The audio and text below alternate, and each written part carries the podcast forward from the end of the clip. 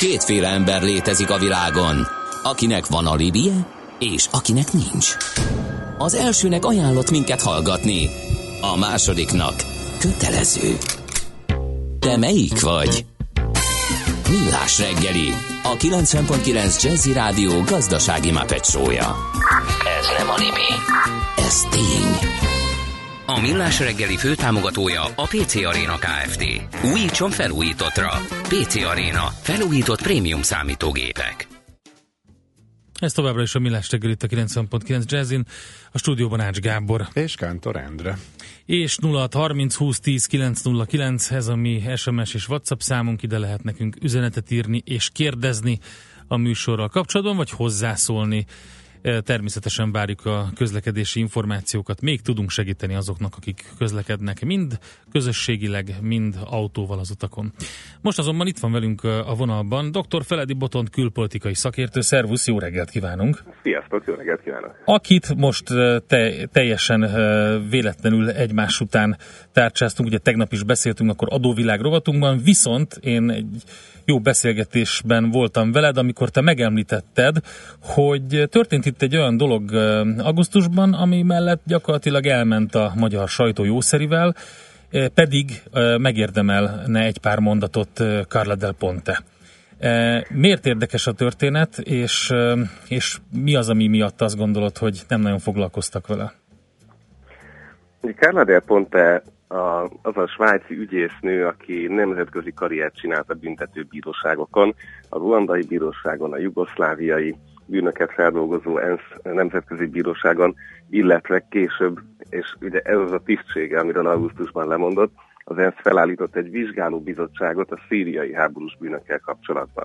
Egy háromtagú vizsgálóbizottságot, és augusztus elején ennek a tagságáról mondott le, és nem azért, mert bármi történt volna, vagy keveselte volna a pénzt, hanem azért, mert egyszerűen úgy érezte, hogy soha nem lesz eredménye a munkájának, mivel az ENSZ biztonsági tanácsának kellett volna, hogy az összegyűjtött iratok alapján azt mondja, hogy esetleg tovább mehet ez az eljárás, és valóban jogi útra terelhető a kérdés. Uh-huh. Ez Szíria kapcsán nyilván soha nem lesz aktuális, amikor Oroszország a biztonsági tanácsban mindig megvédi Assadot, a szír állam vezetőjét, és ez olyan mértékben kiakasztotta ide sokadik év végére kell az pontét, hogy azt mondta, hogy ez nyugdíjas éveiről van már szó, tehát gyakorlatilag ezt elvállalta pro bono, hogy, hogy inkább akkor, akkor ezt hagyjuk. Valahol ez a Nemzetközi Büntetőbíróság, a nemzetközi igazságszolgáltatás, a háborús bűnösöknek az utolérése azért mindig egy, egy, egy vastag illúzió. Tehát az, hogy, hogy nincs ugye emögött nemzetközi szervezet, ami azt csinálhatná, hogy függetlenül a tagjai akaratától hajtana végre dolgokat. Tehát alig-alig van e, olyan kapacitása, olyan gyakorlatilag nincsen, hogy mondjuk egy katonát oda küldjen egy államfőhöz és bekísérje Hágába. Tehát ezek, ezek, ezek a kikényszerítő struktúrák hiányoznak mögüle, és hát látjuk is, hogy nem is minden ország a tagja, sőt Afrikában elkezdtek kilépni államok a Nemzetközi Büntetőbíróságot rögzítő római statútumból. Tehát itt egy elég nagy, hát nem azt mondom, hogy visszalépés, de látványos megrekedés zajlik jelenleg, ahol, ahol hát azért látjuk, hogy rohingyástól mindenestől itt bőven lehet aggódni, amiatt, hogy még az a szimbolikus része is ennek az igazságszolgáltatásnak vajon hova jut. És Miközben a legfrissebb dolog az, hogy Észak-Korea, Észak-Koreát szankcionálta az ENSZ. Igen, de Észak-Korea kivétel. Tehát ugye ez egy állam, amire államok haragusnak, és egy atomtöltetről van szó, amitől szeretnek a nemzetállamok is félni. Tehát az, az ott ilyen szempontból a legegyszerűbb eset. Tehát politikailag bonyolult, de legalább eljárás jogilag az egy egyszerű történet, mert egy állammal szemben lehet szankciókat hozni. De ez, ez már rögtön bonyolultá válik, ha Szíriáról van szó mert ugyan tudjuk, hogy ki az államfő és mit csinál, de azt is tudjuk, és ezért is eh, eh, rákoppintottak Karladel pont a körmére. Mert ő már a legelején, 2012-13-ban mondta, hogy nem csak a kormányerők használnak vegyi fegyvereket, hanem az ellenzékiek is. És ez ugye az amerikai támogatás időpontja volt már, amikor néhány akkor még demokratikusnak tűnő ellenzéki erőt is támogattak, miközben hát ők is bevetettek fegyvereket. És akkor most kit szankcionálunk? Eleve mit lehet mondani egy polgárháborúban, ahol nincs másik fél? Szóval ezek, ezek mind nehezítik ezt a nemzetközi igazságszolgáltatást, és Európában volt a Nürnbergi per 46-ban, ami után azt gondoltuk, hittük, hogy esetleg ez tényleg működni fog, hogy, hogyha valaki elkövet valamit, akkor, akkor hiába a saját országa joga nem teszi büntethetővé, a nemzetközi eh, erők és a nemzetközi jog örvén ezt majd ki fogják tudni kényszeríteni, és meg fogják tudni büntetni. De javíts ki, hogyha tévedek, de én úgy emlékszem, hogy a, a Carla del Ponte ugye az ENSZ, vagy a Hágai Nemzetközi Törvényszék főügyészeként komoly munkát hajtott végre akkor, amikor a délszláv háborús bűnösöket büntették meg lényegében. Így van, ugye a, a, igazából ugye ez két külön törvényszék volt, a jugoszlávia ügyekkel foglalkozó ENSZ törvényszék és a ruandai ügyekkel foglalkozó ENSZ törvényszék. Uh-huh. Mind a kettő a maga módján egyébként tényleg sikeresnek számít, és elődje a Nemzetközi Büntetőbíróságnak, ami egy alig 20 éves történet. Tehát ez a két törvényszék tényleg végigvitt pereket, a ruandai működését azt most 2015-ben be is fejezték. Tehát a közel száz eljárást lefolytattak, rengeteg ítéletet hoztak, kevesen haltak meg közben, de hát száz emberről beszélünk. Miközben ugye tudjuk, hogy több százezren, hanem egy millióan meghaltak, tehát nyilván nem minden elkövetőt állítottak ide, hanem a legfelsőbb vezetést lehetett elcitálni, és ez ebben relatív sikeres volt. Hogy mit gondolunk jelenleg a ruandai vezetőről, Kagaméről és az ő nyugati politikai kapcsolatairól, ez egy külön műsor. De, de a lényeg az, hogy ez tényleg sikeres volt. Jugoszláviánál azért az egy kérdés, hogy még ha el is vittek embereket Hágába, hogy bíróság elé állítsák őket, vajon a helyi országokban a megbánást ezt segítette, a megbékélés segítette? és erre azért nehéz igent mondani. Tehát amikor Zágrában is ünnepelnek időnként háborús bűnösöket, és ugyanúgy Belgrádban is ünnepelnek háborús bűnösöket. Közvéleménykutatások szerint a szerbek egy nem kis része egyébként Srebrenica megtörténtét is megkérdőjelezi. Akkor maga az a funkció, hogy szimbolikusan végigvigyünk egy ilyen büntetőpert, nyilvánosságra hozzuk a bűncselekményeket, és ezáltal egy nemzet átessen a, a hát mondjuk megtisztuláson, ez most itt annyira nem működött akkor azt gondolod, hogy a lemondása, Kára Ponte lemondása az egy jele annak, hogy omlik össze ez a rendszer, ami eddig legalább látszólag működött, és nem sok szépet és jót tartogat a jövő számunkra ezen a téren? Hát ugye eddig nem olyan helyszíneken volt, tehát Ruanda és a, a, ez a jugoszláv történet valahol ugye a nagyhatalmak ezt engedték, hogy végig menjen és Szíriában látjuk, hogy hát nem csak az igazságszolgáltatási rész, hanem semmelyik másik részben nincs előrelépés. Tehát amikor a nagyhatalmak nem akarják, akkor nincs semmi, semmilyen per.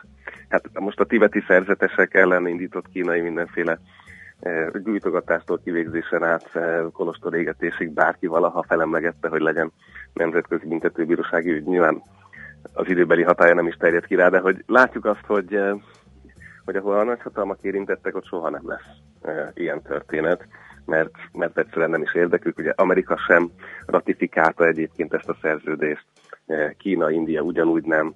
Tehát miközben van több mint száz ország, akik bőven benne vannak, azért a nagyhatalmak igazából kihúzták a fejüket ebből a történetből. Akik meg vagy elkövetnek, legalább potenciálisan segíthetnének abban, hogy másoknál megakadályozzák ezeket a történeteket, geopolitika felszeletelődésével így már a szomszédban sem annyira eh, rendőrködnek mindig ezek az országok úgy, hogy bevonjanak többeket is. És ezt hagyjál, hogy megakadályoznak ilyesmit, eh, tehát valami azzal, hogy különböző feleket eh, támogatnak, például Szíriában ők is aktívan hozzájárulnak ahhoz, vagy ezt túlzás kijelenteni, hozzájárulnak ahhoz, hogy ez a polgárháborús helyzet, az elhúzódó válság, ez fennmaradjon? Abszolút nem túlzás, így van, ahogy mondott. Tehát eh, amíg eh, itt fegyvereladásokkal, pénzzel, titkosszolgálati eszközökkel, minden egyébben oldalt választ eh, egy eh, katonai szövetség, és azt támogatja, addig nyilván ennek lesznek következményei. Eh, és ugye ezzel az a probléma, hogy azért szárazföldön a, a szíriai részen nagyon kevés ember kontrollálja azt, akit egyébként finanszíroz. Magyarul nincsenek amerikai katonák a lázadók mellett, vagy a demokratikus erők mellett, akit éppen választottak, hogy megnézzék, hogy mit csinálnak a támogatásokkal. És ugye, hát láttuk, hát ez már több éve ment, hogy a különböző fegyver eh, juttatásokat egyébként pénzé tették, és olyan azzal, amit csináltak. Tehát, hogy egészen elképesztő dolgok történnek. Nyilván ez a hidegháborúban sem volt mindig másképp, eh, de azért Szíria az most egy, eh, tényleg egy világító volt. De hát milyen márnál is, hát egy béke, Nobel békedíjas ember van a kormányban.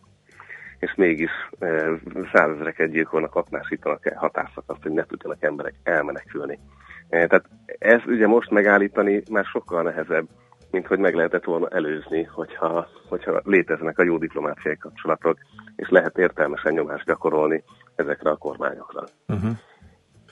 Tehát amikor már megvan a krízis, onnantól százszor nehezebb a megoldás, Persze, hogy előtte, előtte nyomasztani őket, és, és akár pozitív ösztönzőkkel próbálkozni. Ugye ezt látjuk, Észak-Koreánál ugyanúgy nem működött. Tehát hiába mindenféle élelmiszerolaj egyéb programok, végeredményben csak tovább vitték az atomprogramjukat, de, de hát ettől még azért más országoknál ez lehet, hogy működik, akik nem ennyire uh-huh. érzik magukat veszélyben és az egész rezsimüket. Hát Botond, ez nagyon érdekes volt, de borzasztó. Tudjuk, hogy a világ így működik, de egy még talán így így, bele, Igen, így belegondolni, hogy ahol a demokráciát, meg a békét papolják, ők is mondjuk aktívan hozzájárulnak több százer ember halálához, azért az elég sokkoló ezzel szembesülni, nem minden nap gondolunk mi se erre, de azért kell időnként. Jó, hogy elmondtad. Van. Hát sajnálom, de tényleg megért ennyit kell a pont a lemondás, mert mm. azért mondott le, hogy legalább egyszer beszéljünk erről a történetről.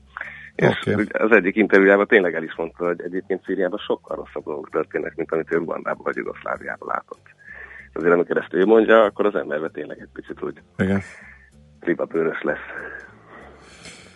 Hát köszönjük Jó, szépen. Valami témával folytassátok. Hát megpróbáljuk, megpróbáljuk. magunkat, köszönjük. Megpróbáljuk, de fontos volt. Köszönjük szépen, jó munkát neked.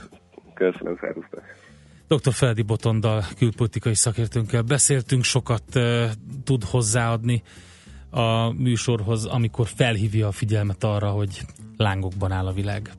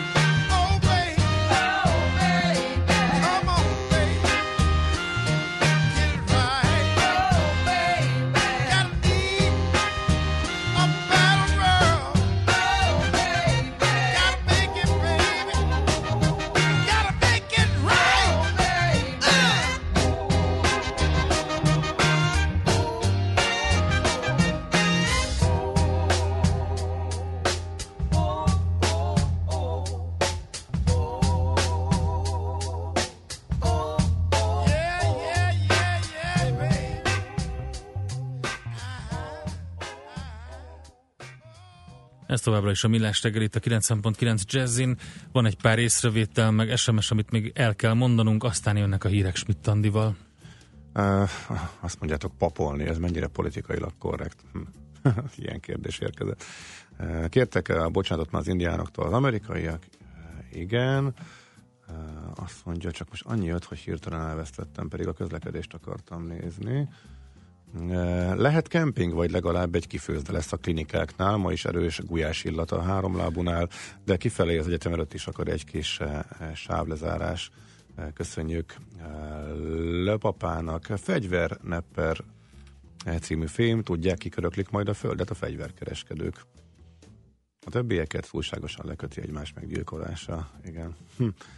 Az em- igen, többen is írják, hogy a fölvetik a kérdés, hogy van egyáltalán értelme kibővíteni eh, az M1-est, illetve az M7-est, az egyik SMS eh, író például azt javasolja, hogy eh, inkább a 8-as kellene összekötni valami gyorsforgalmi úttal Bicske magasságában, így át lehetne terelni az északi part forgalmának nagy részét, javulna a Balaton felvidék elérhetősége is, elég nagy luxus pázsúfolt hétvége miatt kibővíteni az M7-est. Érdekes felvetés egyébként, igen. A dugók balesetekből vannak azon a két napon, amikor nagy forgalom van, vasárnap Pestfele, szombaton, meg pénteken, meg a Balaton irányába, amúgy, amúgy simán bírja azt a forgalmat. Ez is amúgy igaz. Azt mondja, Botondot minden nap tárcsázhatná, ennek nem látom a hátulját, majd akkor visszatérünk rá. Azt után. mondja a kedves hallgatónk a Facebookon, hogy ideje lenne már egy közlekedési szakértővel elbeszélgetni arról, milyen szánalmas, hogy nincs közlekedés politikája az országnak, ha lenne fel sem merülne az M7-es szélesítés, hanem az ott dübörgő és egy komplet sávot lefoglaló kamionokat vonatra pakolnák, illetve az áruszállítás nagyobb része is mehetnek kötött pályán. Az Ráadásul mennyivel biztonságosabb lenne az autóforgalom? Az megvolt, a kamionos vonatszállítás az megszűnt körülbelül egy tíz éve, annak is megvan az oka, hogy miért, úgyhogy eh, az akkor infrastruktúrát már fel is számolták, hogy azt nem lenne olyan egyszerű újraindítani állítólag. Csömöri befelé, 16. kerületben szokott horror. Ezt az információt Tamásnak köszönjük.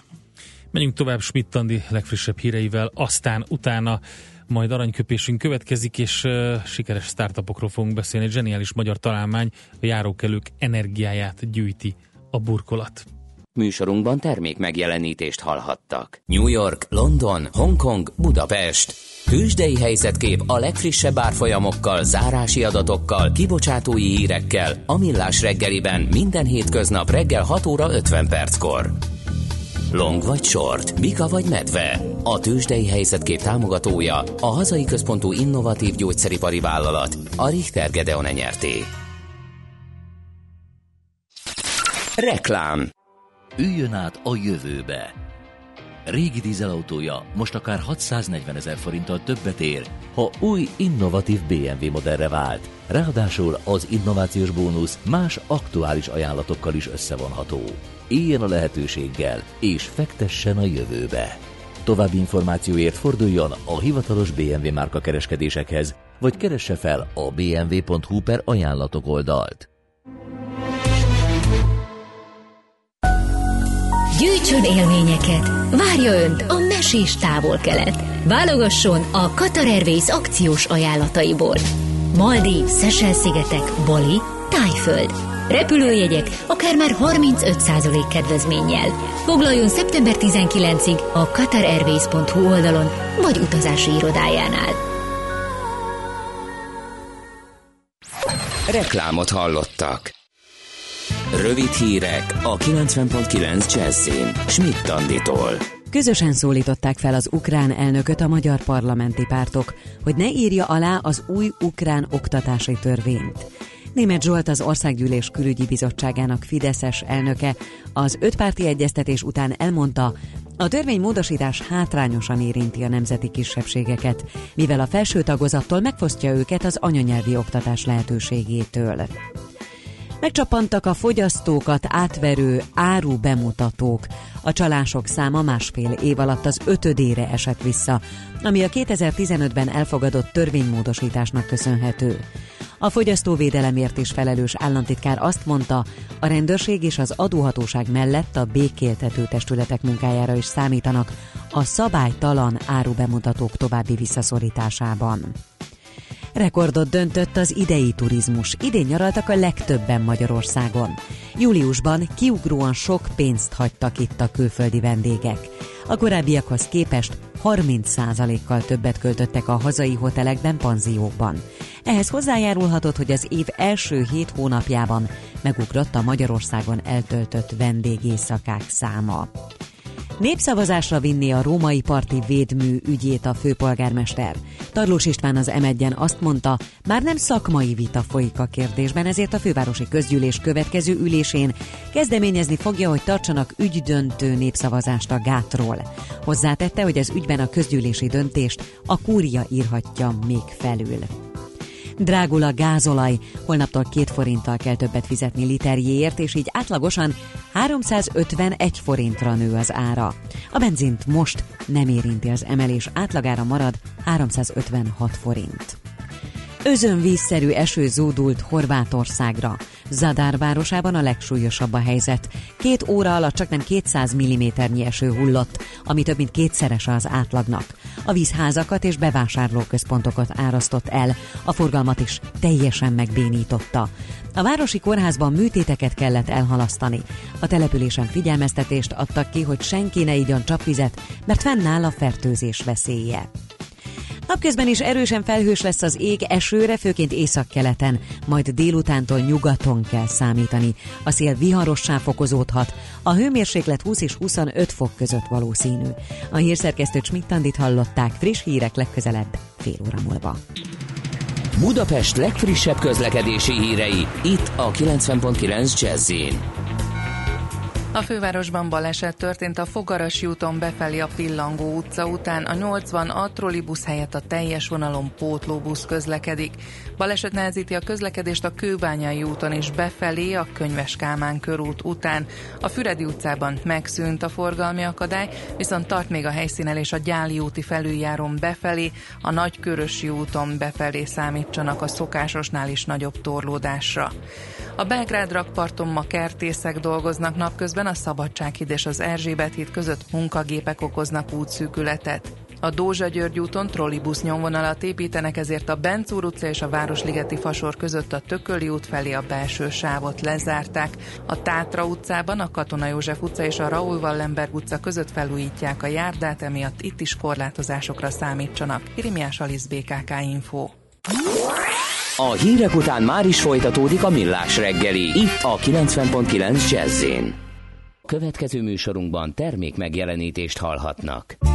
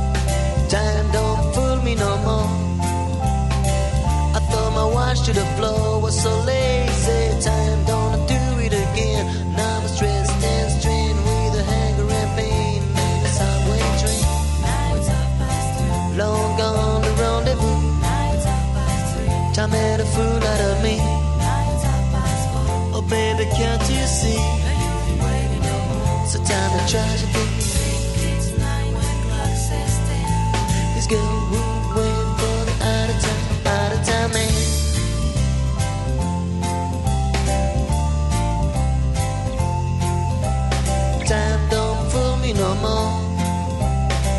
I thought my watch should have flown. Was so lazy, time don't do it again. Now I'm stressed and strange with a hurry in a subway train. Long gone the rendezvous.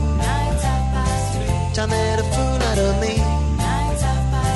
Oh baby, can't you see? The engine waiting no more. So turn the tragedy, think it's nine o'clock, says then. This girl will.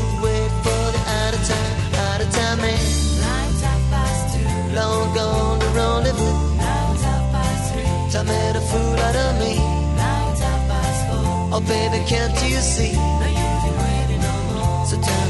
me. Nights half past two. Long gone the rendezvous. Nights half past three. Time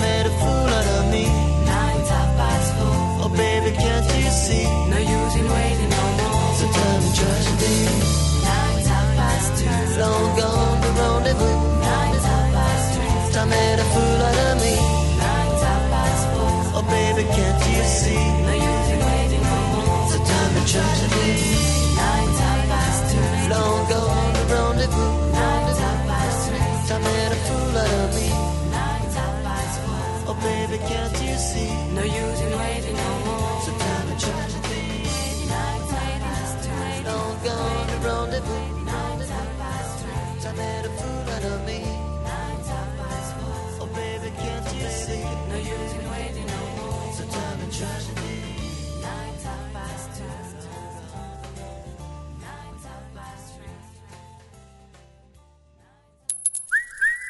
Aranyköpés a millás reggeliben. Mindenre van egy idézetünk. Ez megspórolja az eredeti gondolatokat. De nem mind arany, ami fényli. Lehet kedvező körülmények közt gyémánt is. Születésnaposunk ezen a napon Jesse Owens, atléta, futóbajnok és polgárjogi aktivista is, és tőle választottunk egy idézetet. Ugye ő szegény fekete családban született bele, rajta kívül még tíz testvérét kellett a szüleinek eltartania, de a páratlan tehetségére elég hamar felfigyeltek. 32-ben, 1932-ben még kiszorult az amerikai válogatottból, de 35 májusában már egyetlen napon 5 világcsúcsot ért el. Egyébként távolugrásban 813 cm-t ugrott, ezt évtizedekig nem döntötték meg. A nagyon híres 36-os berlini olimpián négy alanyérmet szerzett, 100 méteres síkfutásban 10,4 másodperc, 200 méteren 20,7 másodperc, 4x100-ban és távolugrásban. Akkor 806 centit ugrott, és ugye nagyon híres volt ez az olimpia arról Berlinben, hogy gyakorlatilag hát Hitler és a párt egyáltalán nem akarta elfogadni azt, hogy egy afroamerikai ilyen teljesítményre képes egyáltalán ott lehet. Azt mondta, álmai mindenkinek lehetnek, de valóra váltani csak azok képesek, akinek rettenetesen sok elszántsága, elkötelezettsége, önfegyelme és ereje van. Hát ugye a recept az uh, ismert már, de nagyon sok híres embertől el kell még mondani, hogy mindenki megértse azt, hogy a siker az nem magától jön, és nem repül az ember szájába a sült galamb. Aranyköpés hangzott el a millás reggeliben. Ne feledd, tanulni ezüst, megjegyezni arany. Az univerzum tágas, az emberi kíváncsiság határtalan.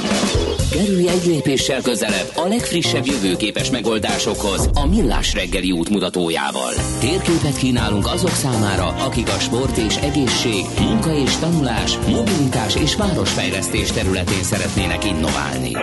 Optimizmus mindenek előtt. Az egy lépéssel közelebb rovat és a jövőképes vállalkozások támogatója a Design Terminál Nonprofit Kft. És a vonalban itt van velünk Cseh József, a Plátió alapítója. Szervusz, jó reggelt kívánunk! Jó reggelt kívánok, üdvözlöm a kedves rádió hallgatókat! Nagyon érdekes és zseniális találmányról van szó. Röviden, a járókelők energiáját gyűjti a burkolat. Hosszabban így, hogy néz ez ki? Így van, nagyon röviden, így van. Egy energiatermelő térburkolat az, amit a kollégáimmal, barátaimmal fejlesztünk ez úgy néz ki, hogy egy olyan térburkolatot kell elképzelni, amely a térköveket képes helyettesíteni a, a megfelelő helyeken a városokban. És jelenleg ott áll a fejlesztésünk, a termékünk, hogy egy napelemes térburkolat az, ami teljesen készen van. Ezzel egész sok energiát tudunk gyűjteni a városokban, járófelületeken, burkolt felületeken, és dolgozunk azon, hogy ahogy említetted is, a járókelők energiáját, mozgását energiává, illetve adattá, adattá tudjuk alakítani. Aha. Hogy néz ez ki? Miből lesz az energia? Kicsit részletesebben. Uh, ugye itt most két, két vonalat említettem, az egyik Igen. ugye a napenergia, napelemet már mindenki az látott. Az egyértelmű. A, a mi burkolatunkban annyi, a, annyi az érdekesség, hogy ez a, ez a föld felszínén van, tehát talaj, talajszinten van elhelyezve a, a napelem így, így nem kell új felületeket beépítenünk, elvenni adott esetben a természettől, vagy nem kell egy oszlopra felhelyezni, mint ahogy a városokban látható egy-egy napelem. Tehát a napelemek, napelemeken sétálgatunk. Így van, ez az uh-huh. egyik verziónk, a másik verziónk pedig az, hogy a kopóréteg alatt egy olyan, olyan szerkezet rejlik, ami, ami képes lesz átalakítani a járókelőknek az energiáját elektromos energiával. Tehát a kinetikus energiáról beszélünk, hogy lépnek egyet, így akkor van, az lenyomódik, van, aha, és akkor azt alakítja át. Hm. um, erről van szó. És közben pedig szenzorok vannak benne, ami adatot gyűjt arról, hogy hányan járnak arra, és még ehhez hasonló adatot gondolom. Í- így van, így van, és hogyha ezt elég nagy mértékben csináljuk egy városban, akkor már ez az üzemeltetők, városvezetés, várostervezés szempontjából ez már egy nagyon hasznos információ tud lenni, hogy az embertömegek mit csinálnak egy városban mondjuk reggel 8 és 9 között. Miből készülnek ezek a burkolatok? Jelenleg egy olyan technológiát használunk, amit szeretnénk még egy picit fejleszteni, viszont már egész, egész jó szinten áll, ami vegyes műanyag hulladékot tud újra hasznosítani, ez, a, ez az alapanyagunk így olyan, olyan anyagokat teszünk be a burkolatba, amit valószínűleg másoha nem tudnának az emberek semmilyen szerkezeti anyaggá alakítani. Ez azt jelenti, hogy tényleg egy, egy olyan anyag, anyag kerül be a termékünkbe, ami teljesen újrahasznosított. Most ennek az ára az um, milyen viszonyban van egy hagyományos burkolattal, tehát mondjuk mennyivel többe kerül, ha teszem azt, most hasraütök egy önkormányzat le akar tenni valahova egy forgalmas helyre egy díszburkolatot?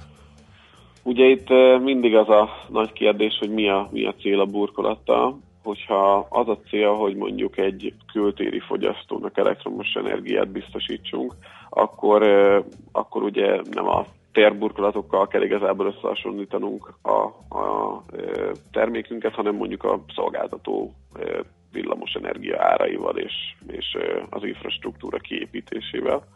Tehát ez mindig így ilyen érdekes, érdekes kérdés, de összességében egy átlagos jó minőségű térburkolat nagyjából egy ilyen 15 ezer forint per négyzetméter áron kapható, és a mi célunk pedig az, hogy ezt egy ilyen 100 ezer forint per négyzetméter alá szorítsuk a csúcsmodellünket, ami azt jelenti, hogy a, az energia árából ez hosszú távon egy megtérülő beruházás tud lenni.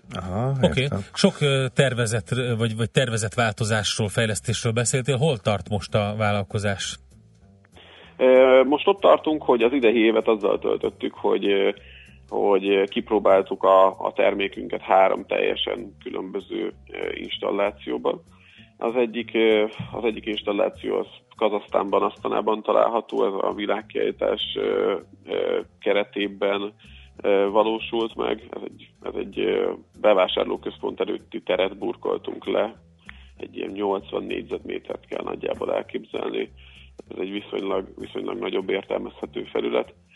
Aztán Svédországban csináltunk egy, egy hajópontont, ahova ki tudsz kötni a, a hajóddal, és ott energiát biztosítunk megvilágításra, vészlámpáknak, közvilágításnak hasonló dolgokat üzemeltetünk az összegyűjtött energiából, illetve Budapesten a Városháza téren egy, egy, egy bútorba integrált megoldásunk van, ahonnan mobiltelefonokat tudunk tölteni.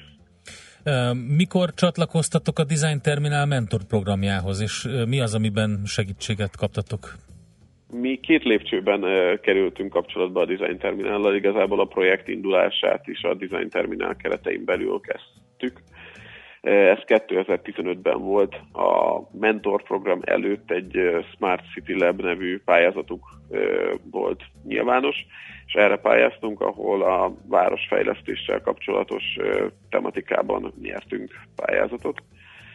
Így indult igazából az egész ötletnek a kibontakozása, kifejtése, és második körben pedig 2016 évelejével, tehát 2016 januárjával kezdtünk egy újabb közös fázisba a Design Terminállal, ahol már a mentor vettünk részt.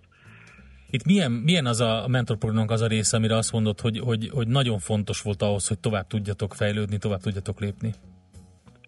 Szerintem a, az erős kritika, a, amit a mentorprogramból kaptunk, sok útvezetés, és, és talán azok a, azok a kapcsolatok, akikkel egyébként valószínűleg nem találkoztunk volna, hogyha, hogyha nem veszünk részt a mentorprogramban. Tehát szerintem ez a három fontos olyan olyan pillér van, ami, ami számunkra nagyon értékes volt a mentorprogrammal kapcsolatosan.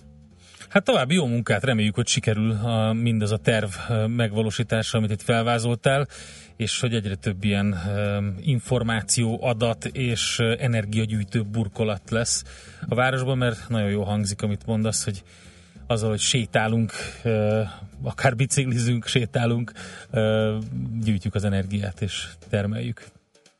Köszönjük Szuper, szépen. Köszönöm szépen. Köszönöm, viszont hallás. Szervusz. Cseh Józseffel beszéltünk a Plátió alapítójával, ez a találmány a járókelők energiáját gyűjti, és közben információt is egy térburkolatba.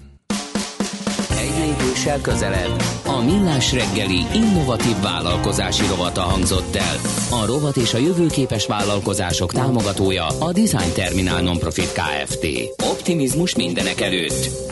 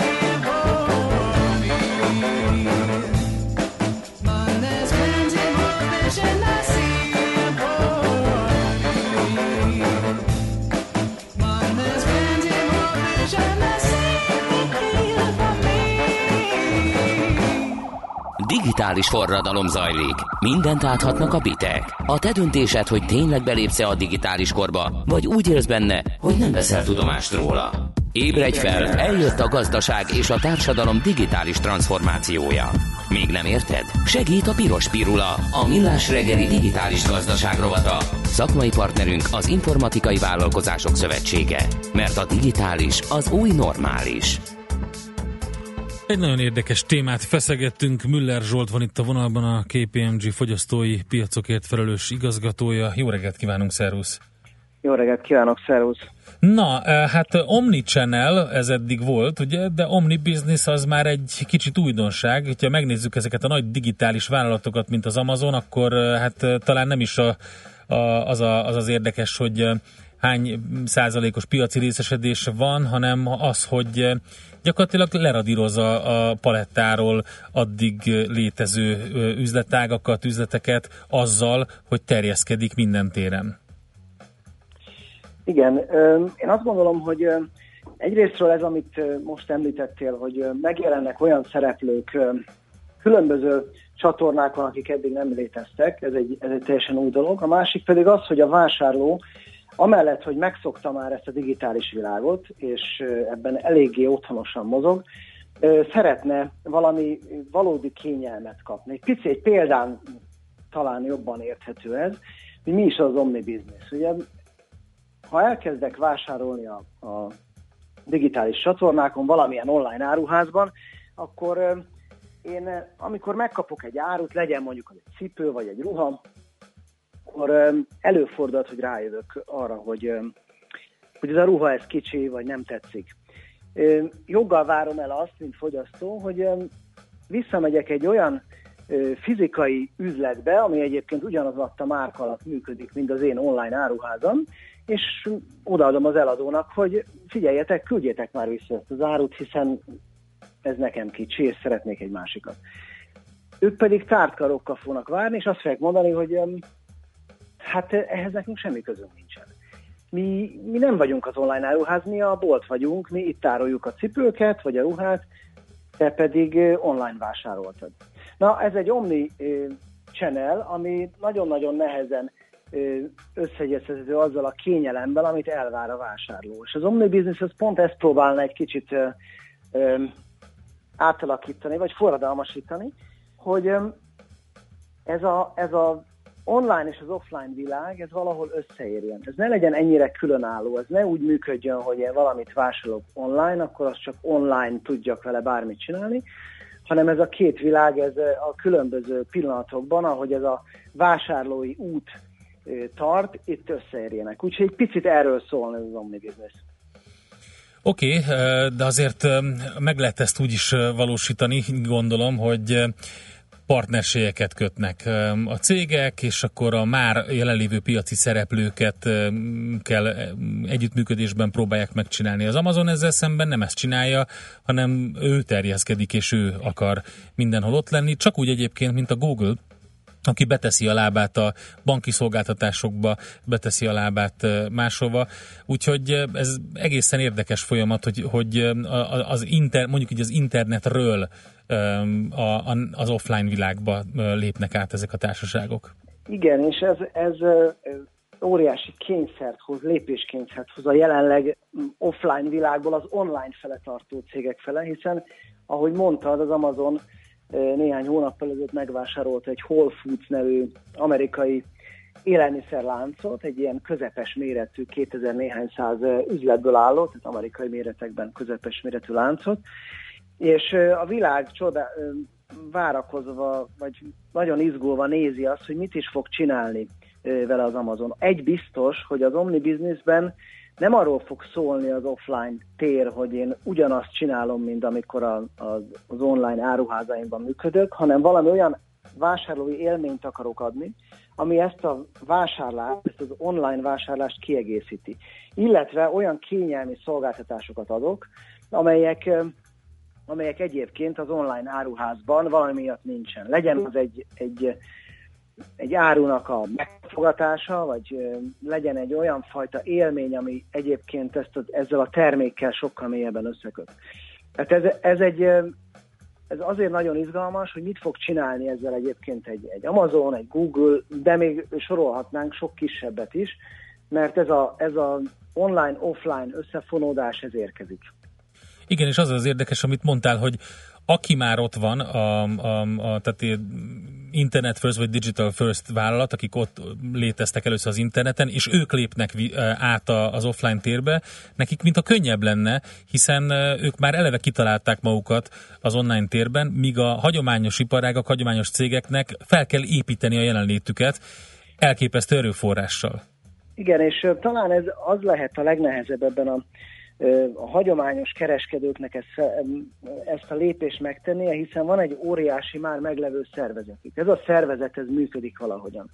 Ez a, ez a szervezet abszolút arra fókuszált az elmúlt akár száz évben is, hogy ő a, ebben az offline térben a vásárlóit kielégítse. És ez a fajta átlépés, ez egy nagyon-nagyon nehéz dolog. Mindenki megpróbált már online áruházat csinálni, a legtöbb offline kereskedő csinált vár valamilyen fajta online megjelenést, de nem érnek össze a szervezetek, illetve azok a háttértámogató rendszerek, mint a logisztika, ami egyébként a jövőnek az egyik kulcs kiszolgáló területe, ez abszolút nincsen integrálva. Tehát ezért, ezért lehet az, hogy valaki megvásárol valamit az online térben, de az offline térben nem tudja visszaadni, mondjuk, mert ki akarja cserélni, hiszen a kettő nem ér össze. Ez a, az onlineból induló vállalatoknál nincs így, ők egyetlen egy rendszert építenek, és ebbe az online térben már kialakult szolgáltatási láncra fűzi rá az offline kereskedését. Hát nagyon érdekes folyamat, mindenki kösse fel a gatyáját, aki megpróbál ezekkel a vállalatokkal felvenni a versenyt, szerintem. Nem tudom, hogy ti mit láttok, milyen jövőt jósoltok ennek a, a hagyományos iparágaknak? Igen, hát két, két dolog látszik. Az egyik az, hogy, hogy óriási koncentráció van. 2016-ban csak az Egyesült Államokban 8000 fizikai üzlet szűnt meg. Ez több mint a kétszeres annak, ami a 2008-as válságban történt. Tehát van egy elképesztő nagy átalakulás, és egy olyan mozgás, ami, amit ma már nem lehet félváról venni. A másik pedig az, hogy hogy az offline áruházakra szükség lesz. Tehát az offline térre az embernek a a mindennapi élete miatt szüksége lesz rá, és hogyha ezt jól kezdi használni egy vállalat, akkor ez egy nagyon nagy előny tud lenni. Azt gondoljuk, hogy nem fog megszűnni az offline tér, de nagyon-nagyon át fog alakulni. Egészen más funkciókat fog ellátni, egészen más feladata lesz neki a, a jövő kereskedelmében, és itt kibonthatjuk egyébként nagyon széles kereskedelmre, tehát minden, ami a végfelhasználóval kapcsolódik, legyen az bank vagy biztosítás, nagyon más lesz a szerepe a, a fizikai eladó térnek, mint a online térnek. Elgondolkodható Zsolt, nagyon szépen köszönjük, amit mondtál, ezeket az információkat. Szép napot, jó munkát nektek! Köszönöm szépen, jó, jó napot nektek is, szervusz! Szervusz! Müller Zsoltal beszélgettünk a KPMG fogyasztói piacokért felelős igazgatójával. Piros Pirula. A Millás reggeli digitális gazdaság rovata hangzott el. Szakmai partnerünk az Informatikai Vállalkozások Szövetsége. A digitális az új normális.